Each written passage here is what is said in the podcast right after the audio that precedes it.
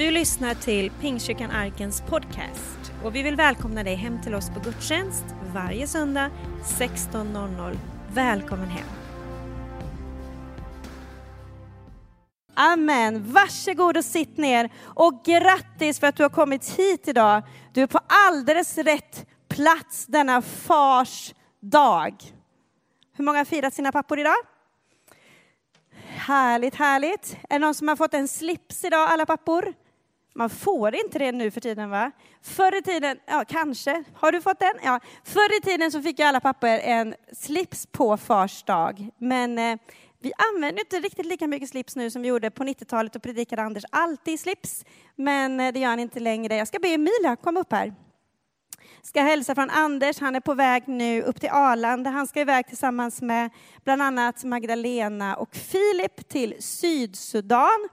Eh, det är ju ingen turistresa, charter riktigt, förstår ni, när ni hör att han ska till Sydsudan. Så ni får gärna be lite extra. Han är där för att träffa lite missionärer. De är ett gäng från Pingstkyrkan Jönköping som åker dit tillsammans och eh, Magdalena och Filip också. Eh, så han ska på en snabb visit ner dit tillbaka på fredag igen. Det är ju så här att jag tror att vi alla känner ibland att eh, speciellt när man har en stor, ett stort event, om vi pratar om vision som ett event som på något sätt vi har jobbat inför, vi har kämpat, vi har övat och sen är det här slut. Att det är lätt för oss människor, vad den kan vara, som vi jobbar för, vi står i tro för, vi ber för, vi ber om genombrott. Och det är lätt att när man väl sen har kommit över på andra sidan och är klar med det, så på något sätt tänker man, åh, nu, nu lägger vi upp fötterna på soffan här och så liksom tar vi det lugnt.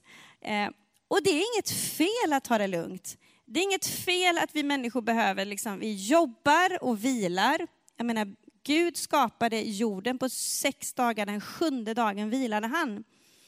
Eh, men det jag pratar om nu är att ibland så ser vi vissa event som, som någonting och sen på något sätt så bara tappar tappar vi allt vårt fokus, all vår bön, allt vårt, allt det vi har kämpat för tappar vi på grund av att vi inte förstås, på något sätt förstår att nu är det dags för oss att ta nästa steg. Och jag ska prata idag om att fullborda loppet. Att fullborda loppet. För att, jag menar, min man har sprungit eh, Göteborgsvarvet några gånger. Jag har inte gjort det. Jag borde ju, det hade varit jag menar, bättre om jag hade kunnat säga det här nu. Jag kanske kan göra det någon gång i framtiden. Men så långt jag förstår, utan att ha sprungit Göteborgsvarvet, så är det väldigt få som springer 19 kilometer och sen stannar och tänker att, äh, det var jobbigt. Äh, med två kilometer kvar. Nej, men jag orkar inte de här sista tio minuterna. Nej, men nu, jag behöver ha kaffe. och så svänger man av och dricker kaffe istället. Eller till exempel Vasaloppet som Anders också har gjort två gånger faktiskt. Eh, och jag vet också att det är nio mil, det är sjukt långt. Men likadant där är det ju ingen av oss som skulle ta liksom, åtta och en halv mil och sen bara, nej, nu behöver jag gå på toaletten. Eller nu, nu orkar jag inte längre. Utan på något sätt så tänker vi att med allt vi har försöker vi ju komma i mål. Eller hur? När vi har tagit oss så här långt så, så slutar man ju inte där. Men ibland så tror jag att vi kristna tror att på något sätt sen när livet, och vi, livet med Gud och när vi har hållit på ett tag och så tycker vi att vi har inte riktigt sett det där genombrottet än eller vi, vi längtar, vi ber för någonting eller vi, vi tänker när Gud gör det där, då ska jag satsa. Och på något sätt så tröttnar vi så otroligt lätt. Kastar in handduken, sätter oss på åskådarbänken och tänker att nu får de andra köra, nu har jag gjort mitt. Men Paulus säger ju så här, eller i första Peterbrevet så står det så här, så ska ni snart få titeln på predikan. Så står det så här, första Petrusbrevet, var nyktra och vakna. Alltså vi, vi pratar om väckelse, vad är väckelse? Ja men det är att man är vaken. Man har inte somnat, eller hur? För er fiende djävulen går omkring som ett rytande lejon och söker efter någon att sluka. Stå emot honom, orubbliga i tron och tänk på era bröder här i världen går igenom samma lidanden Alltså det var väl en riktig, det var ingen själavårdande predikan va? Direkt efter vision. Nej, men det står faktiskt så att vi ska hålla oss vakna.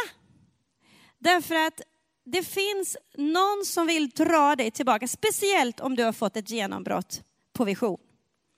Om du är, du är ung och du har precis fått möta Jesus, du känner äntligen har polletten ramlat ner, äntligen har du kanske kommit igenom, fått andens dop som du har längtat efter, eller vi har sett den här kyrkan bara pumpa med liv. Och man har fått möta Jesus, eller du kanske har fått möta Jesus också på vision, även om inte du var en av tonåringarna, men vi har precis fått möta någonting. Och sen är det så otroligt lätt att tänka eller släppa ner garden lite grann, eller slappna av lite mycket. Och det är så att vi har en fiende som hela tiden står att han vill sluka oss. Vad menas med det? Jag tror att han vill åt våra tankar. Han vill binda upp oss, han vill gärna få oss ur kurs. Han vill gärna att vi ska tänka på allt som är bekymmer, för plötsligt så kanske det kommer massa bekymmer. Han vill gärna liksom täppa till oss så att vi bara tänker på det, så att vi glömmer bort vad det var vi höll på med. För vi höll på att springa ett lopp, eller hur? Och vi hade målet där framme. Och då kan vi inte stanna här, utan vi måste fram dit. Varför måste vi fram dit? Jo, därför att det finns hundratals, för att inte säga tusentals barn och ungdomar i Värnamo med omnejd som inte är här nu. Och som om inte vi gör någonting, givetvis tillsammans med de andra kyrkorna, men om inte vi gör någonting så kommer de växa upp och inte veta att Jesus har en plan för deras liv. Att de har en Gud i himlen som älskar dem, att Gud har tänkt dem för någonting mer än att kanske gå runt och vara osäkra och fundera på hur man ser ut, om man duger eller inte duger. Därför måste vi, speciellt vi som är föräldrar, hålla oss nyktra och vaksamma så att vi kan be och vara fokuserade. Därför att det här är ingen lek. Det står att vi ska stå emot den onde, orubbliga i tron. Vad är det första som djävulen vill ta ifrån dig? Tron. Att ja, men det där som hände, om du är ung, att det där som hände förra helgen, det kan aldrig hända igen. Det som hände här på visionen, men det var, bara, det var bara för att det var konferens och det var tro. Det är en av de första grejerna som djävulen vill få dig att tänka, det där, var, det där var bara då. Nu får jag vänta ett helt år innan jag får möta Jesus igen. Vad är det? Det är en lögn. Det är inte sant. Och om vi ska förstå att det inte är sant, måste vi hålla oss nära Jesus. Och det står här att vi ska, vi ska tänka på andra, på bröder här i världen som går igenom samma lidande. Det är väldigt lätt att vi tänker, och vi kan tycka, åh vad jobbigt för oss. Måste vi gå till kyrkan varje söndag? Och vi tycker att det är som ett slags lidande, kanske. Vi hade ju eh, Eugene Bach här för några veckor sedan som smugglade biblar ut i det fönstret eh, som man kallar 2040-fönstret, kallar man det så? Va? 1040-fönstret, den delen av världen där flest människor bor och där det är totalt förbjudet att vara, vara kristen. I Sverige är det fullständigt lagligt att vara kristen. Vi får komma hit, det är ingen som stoppar oss här utanför, det är inga piketbilar som säger nej, ni får inte gå in, eller hur? Vi får gå in här och ändå så tycker vi ibland att det är så jobbigt så vi orkar inte ta oss hit på en söndag. Men det finns människor, det finns, vi ska tänka på våra bröder, det finns människor ute i världen som på riktigt skulle önska av hela sitt hjärta, att de hade en varm stor kyrka med härligt upplyst kaffe, allting att få komma till. Och därför så säger Bibeln gång på gång, var nyktra och vaksamma. Så vi ska idag prata om att fullborda sitt lopp. Och nu ska ni få första punkten idag. Är ni beredda? Genombrott är kopplat till din lust att kämpa. Hur mycket vill vi det här egentligen? Om du vill någonting så är du beredd att gå. Jag ska säga, min dotter Ebba fick för sig för två, tre år sedan att hon vill åka till USA och gå high school.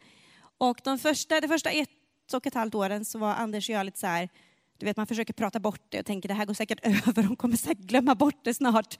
Man pratar om allt annat och så vidare. Det bara hela tiden kom upp, kom upp, kom upp liksom. Och till slut så känner man bara, hon menar verkligen allvar det här med det här. Och hon fick jobb tidigare än någon andra av våra barn har fått och hon började spara pengar. Och vi förstår, hon, är, hon vill verkligen det här. Hon, hade, hon fick sitt genombrott för hon hade lust och kraft att kämpa tills hon är där. Och nu är hon där. Och det är kopplat till vårt lust att, lust att kämpa. Jag vet inte om ni har sett en film som, hette, eh, som heter The Darkest Hour. Som handlar om Winston Churchill. En fantastisk film, ska jag säga. Och eh, många som, som kanske känner till andra världskriget vet att det, det Winston Churchill gjorde, det var ju att han hade en, en oemotståndlig, en obrottslig kämparglöd över sig. Som gjorde att han, han, så, han höll ett tal vid ett tillfälle när det var liksom riktigt illa, så sa han att eh, han gav dem bara, i de mörkaste stunderna så gav han bara ett löfte och det var att han sa, vi ska kämpa, vi viker inte ner oss. Vi ska kämpa, vi viker inte ner oss. Och han var ju en kämpe utan dess like som var orubbligt fast. Trots stora utmaningar själv med hälsa och med allting så höll han fast för han hade bestämt sig att han ville se ett genombrott. Vad är det du har bestämt dig att du vill se ett genombrott i? Det, det, är så att det handlar helt med din förmåga att vilja kämpa för det. Och det som är fantastiskt när vi är kristna är att vi kämpar inte i egen kraft. Utan det står att Herren ska strida för oss. Och det står till och med att vi kan vara stilla därvid. Och jag tror inte det innebär att vi bara behöver lägga oss ner på en badstrand någonstans i Kanarieöarna och säga, vad härligt, Herre du strider för oss. Nu ligger jag här till maj månad och då åker jag hem. Jag tror inte riktigt det funkar så. Men däremot att vi vet att vi har en, vi har en bönekamp vi kan kämpa. Och jag känner många gånger att nu är jag gift med en bedjare och vi har, vårt äktenskap på något sätt startade ur bön för mig och Anders. Jag har förmånen att vara gift med någon som tror på bön. Och vi har många gånger i livet stått inför situationer där man känner att nu, är man ju, nu vill man ju ge upp. Liksom. Nu struntar vi i det här. Eller man kan tycka att det är saker som händer. Jag menar, vi har varit gifta 23-24 år, det händer grejer då. Eh, det händer grejer i livet. När man vill förändra, när man vill utveckla saker. Och många gånger så kan man känna då, men, men när vi känner att ja, men då tar vi och ber för detta och när vi känner att när vi går in i bönestriden, alltså man kan gå in i bönekampen, när man känner att nu gör vi ett jobb i den andliga världen. Precis som vi sjunger i sången här, we raise a hallelujah. I, i, mitt av, i mitten i stormen, mitten i nederlagen så lyfter vi upp namnet Jesus, så lyfter vi upp ett genombrottsrop att Jesus, du har vunnit seger. Och att när vi går in i den bönestriden och den bönekampen så vet vi att Gud strider för oss. Och han gör saker i ditt, i ditt eget liv. Och frågan är, hur mycket är du beredd att hålla kvar den glöden? Det var svårt, det var lätt att ha glöd förra helgen, eller hur? Oerhört lätt. Man kommer in och bara, woho! Det man bara flyger ju. Vi gör det här, vi kan göra tio möten till imorgon. Eh, men sen är det fars dag.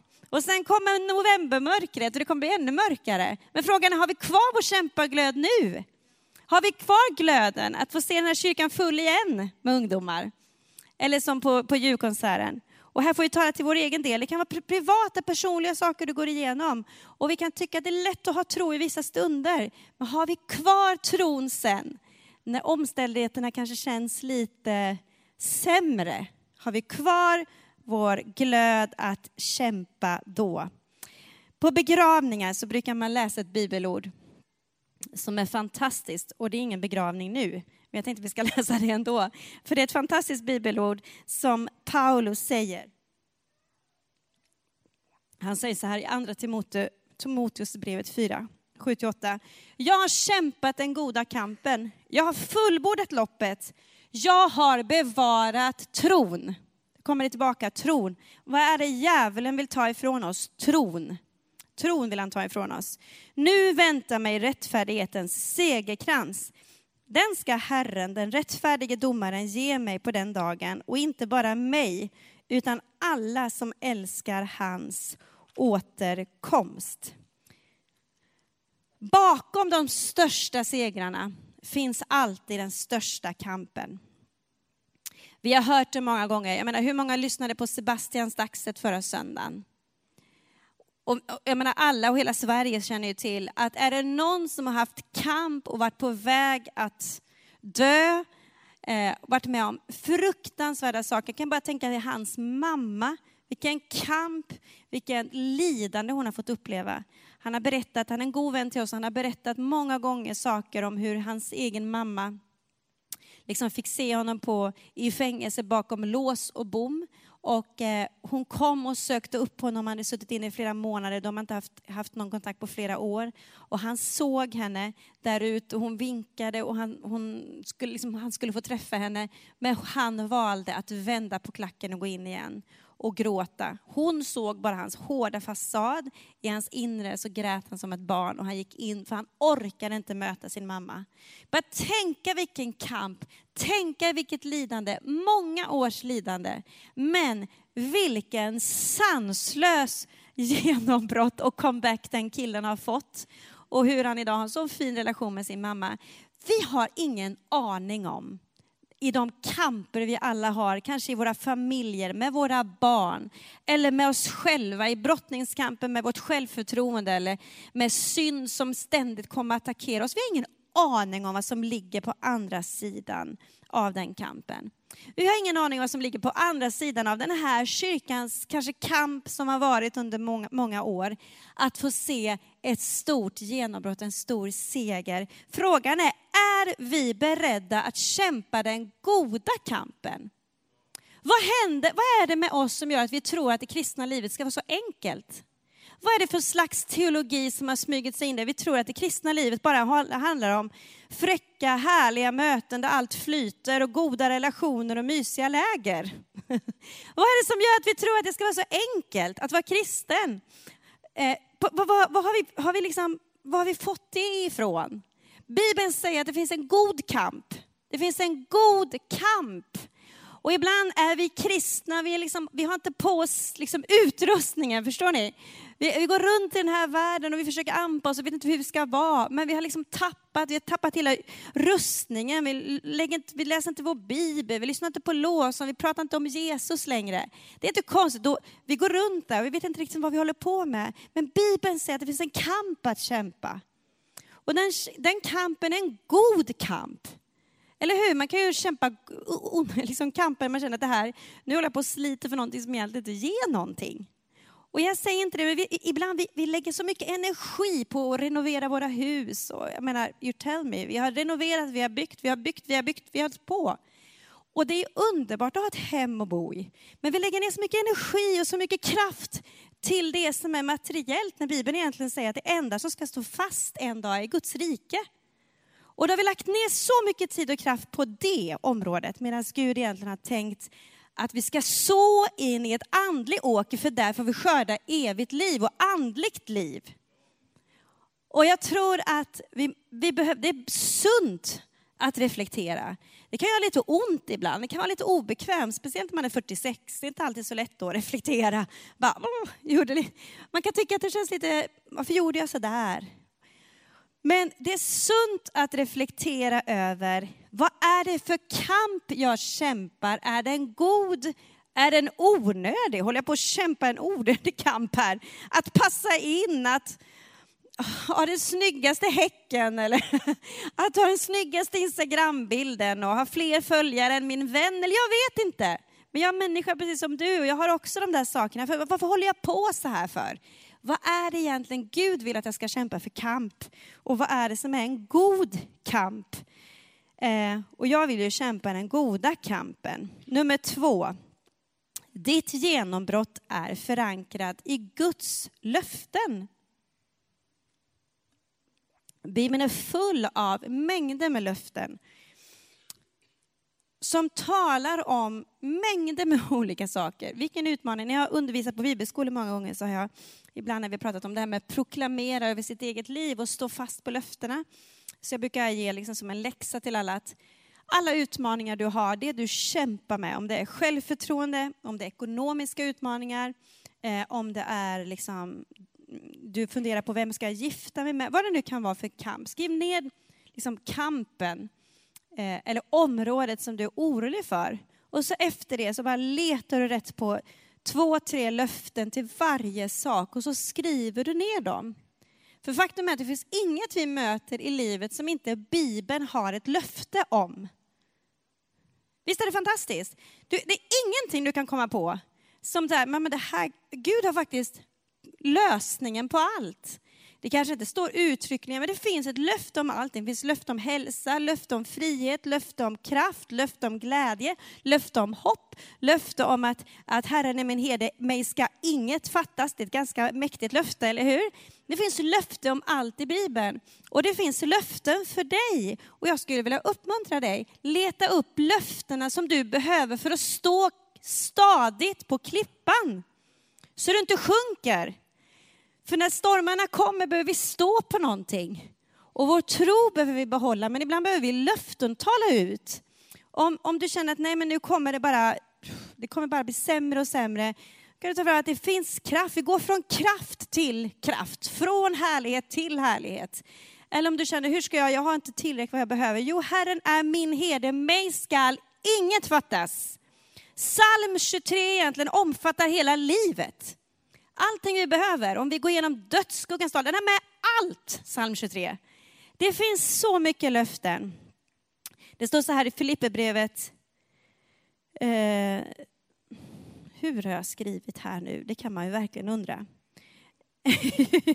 Mina anteckningar har blivit lite konstiga här. Det står så här i alla fall i ett bibelord, vi ska se vilket bibelordet det är. Men det står så här, löftet gäller er och era barn och alla de som är där, ja, långt borta och alla som Herren vår Gud kallar. Apostlagärningarna. Jag brukar ibland när jag tänker, jag menar, vi är föräldrar allihopa och man bekymrar sig för sina barn. Små barn, små bekymmer, stora barn, stora bekymmer. Så, så sant. Jag trodde aldrig att det var så sant som det faktiskt var. Det var ju inga större problem när de var små. Det enda var att, de skulle, eh, att de skulle, man skulle byta deras blöjor, de skulle sova, man skulle ge dem välling eller så. Det var som ganska enkla, basala problem. Nu när de är 19, 17, det är ganska stora beslut. Eller hur? Så som förälder behöver, och jag förringar inte småbarnslivet, tro mig. Jag hade tre barn på två år, jag vet vad det innebär. Men jag bara säger att föräldraskapet är den största kampen man kan kämpa många gånger. Eller hur? Man vill ju själv överleva. man ska överleva den tiden. Hålla ihop sitt äktenskap på den tiden. Det kan man också behöva kämpa med ibland. Eh, men sen är det också att de ska behålla sin, att de ska, den tron de har fått, att de ska lyckas behålla den. Så det är inte alltid jättelätt. Och jag brukar många gånger få läsa det här, löftet gäller mig, men det här gäller också Lukas, Ebba, Debora. Jag talar ut deras namn. De här löftena gäller mina barn också. Så det finns ett löfte. Och Bibeln säger så här i Filipperbrevet också, att jag är övertygad om att han som har börjat ett gott verk i er också ska fullborda det till Kristi Jesu dag. Om du känner någon dag att du blir utmanad att tänka att ja, men jag kom hit, men jag kom inte längre. ja, men mitt företag, ja, men det blev det här, men det blir nog inte mer nu. Eller du kanske har drömt om att du skulle få möjlighet att, köpa det där huset och så känner du att ingenting tyder på det och du kanske tänker att ja, men det blev nog bara hit, men inte längre. Då har du ett löfte här som säger att han som har börjat ett gott verk i dig, han ska fullborda det. Varför skulle Gud ta dig så här långt för att sen bara på något sätt, hallå, lurad, eller hur? Varför skulle han lägga ner drömmar i dig? Varför skulle han visa oss, till exempel förra helgen här på, på kvällarna var det runt 500 ungdomar här. Varför skulle han visa oss den, den bara för att säga så här, ja men det var roligt att ni lyckades med det nu. Och sen blir det inget mer. Utan han som har börjat ett gott verk i oss, han vill fullborda det. Vill vi kämpa den goda kampen? Vill vi stå fast på löftena? Vill vi få se ett genombrott? Nummer tre och den sista punkten här. Att kämpa den goda kampen är att ge upp sitt liv till honom som redan stridit för dig och vunnit. Matteus 10.38 säger så här, den som inte tar sitt kors och följer mig är inte värdig mig. Den som finner sitt liv ska mista det och den som mister sitt liv för min skull skall finna det. Alltså, det, var ganska, det är ganska tufft bibelord, eller hur? Alltså Jesus har redan stridit för oss, vunnit seger för oss. Han har gjort allting klart för oss. Han har gett oss himmelriket i vårt hjärta, frälsningen, anden som en handpenning på vårt arv. Han har tecknat vårt namn i livets bok från det att du säger ja till Jesus. Han har gett oss allt och sen har han sänt den helige ande hit som en hjälpare för att påminna om vem vi är i honom och för att vi ska få vandra med honom fram tills den dagen, tills vi har fullbordat vårt lopp. Men Bibeln säger att vi måste ta vårt kors och följa honom. Eh, alltså om vi vill vinna mot liv, det här är en paradox. Om jag ska vinna livet med Gud som han har tänkt, alltså han har tänkt stora saker med dig. Han har tänkt underbara saker med dig personligen. Han har tänkt så långt mycket större och högre tankar om dig än vad du och jag kunde tro. Vi kan ha en viss förväntan på vår egen förträfflighet, men Gud han har tänkt något, det är något helt annat han har tänkt. Han vill överträffa dina och mina förväntningar därför att han är Gud. Men då säger Bibeln att för att vinna det livet så måste vi vara beredda att lägga ner det. Vi måste komma till korset, vi måste på något sätt lägga ner oss själva som ett levande offer. Vi måste säga till Jesus, Jesus, utan dig är jag ingenting. Vi måste säga, Gud, jag har mina planer, jag har mina tankar, men ske din vilja med mitt liv. Inte som jag vill, som du vill. Jesus var inne i Getsemane på, vi firade på skärtorsdagen, han var där och alla hans lärjungar, alla somnade runt omkring honom. Fastän de hade sagt att jag ska gå med dig, alltid Jesus. Jättelätt att ha stora bekännelser, jag ska alltid vara med dig Jesus. Eller hur? I lovsången på visionen, jättelätt, jag ska alltid vara med dig Jesus. Men sen så kommer ju de andra dagarna också, eller hur? Och då är frågan, kan vi, be samma, kan vi, kan vi sjunga med samma övertygelse? Jesus, du är the waymaker. Promise keeper, du är den som håller löftena. Eller känner vi bara, ah, in, ah inte just nu va. Det passade förra helgen, inte nu, inte här. Nej, men nu vill, jag, nu vill jag göra det på mitt sätt. Men Bibeln säger att ska vi vinna livet så måste vi vara beredda att lägga ner det och säga till Jesus, jag ger dig, jag ger dig, ske din vilja med mitt liv. Inte min vilja. Och Jesus han var i Getsemane, det står att han grät, han hade ångest. För han visste att han var tvungen att gå igenom lidande och han gjorde det för vår skull. Och han hade kunnat sagt, jag orkar, inte, jag orkar inte längre. Han hade kunnat lägga ner, kasta in handduken han med. Men han gjorde det för vår skull. Och han, gång på gång kommer han utmana dig och mig att ge upp kampen för vi kan kämpa emot länge. Jesus, Jesus, jag, jag vill hålla fast vid det här och det här vill jag hålla fast och det vill jag hålla fast. Men Jesus utmanar oss, är vi beredda att lägga ner allting och följa Jesus? För det är då vi vinner livet. Bibeln säger så tydligt, Jesus säger så tydligt att i honom finns allt vad vi behöver. Och eftersom han har skapat oss så vet han ju vad vi behöver. Vi kan ju tycka att vi vet, vi behöver allt det här, men Gud vet faktiskt vad vi verkligen behöver. Och han, han vill bara att vi ska komma till nådens famn och, och att han får ta emot oss och vi får bara lägga ner allt för honom. Så är vi beredda att kämpa den goda kampen. En sista bibelställe, Efesierbrevet 2.10 säger så här. Hans verk är vi, skapade i Kristus Jesus till goda gärningar som Gud har förberett för att vi ska vandra i dem. Det är samma sak igen. Vi står på vår, vi står i vår eh, start, eller vi är liksom, om man tänker i en sån här, man ska springa. Jag hittar inte ordet. Man står och ska starta allihop och springa sitt lopp, eller hur? Och vi står där och vi är på väg och springer och vi springer och det är lätt att man börjar snegla på grannen för grannen verkar ju, grannens lopp verkar ju så grymt roligare. Och de springer så snabbt och vi, i, när man står där och springer så är det lätt att man börjar titta på någon annan och så tänker man, jag vill springa det han, det loppet han springer verkar mycket roligare än mitt lopp.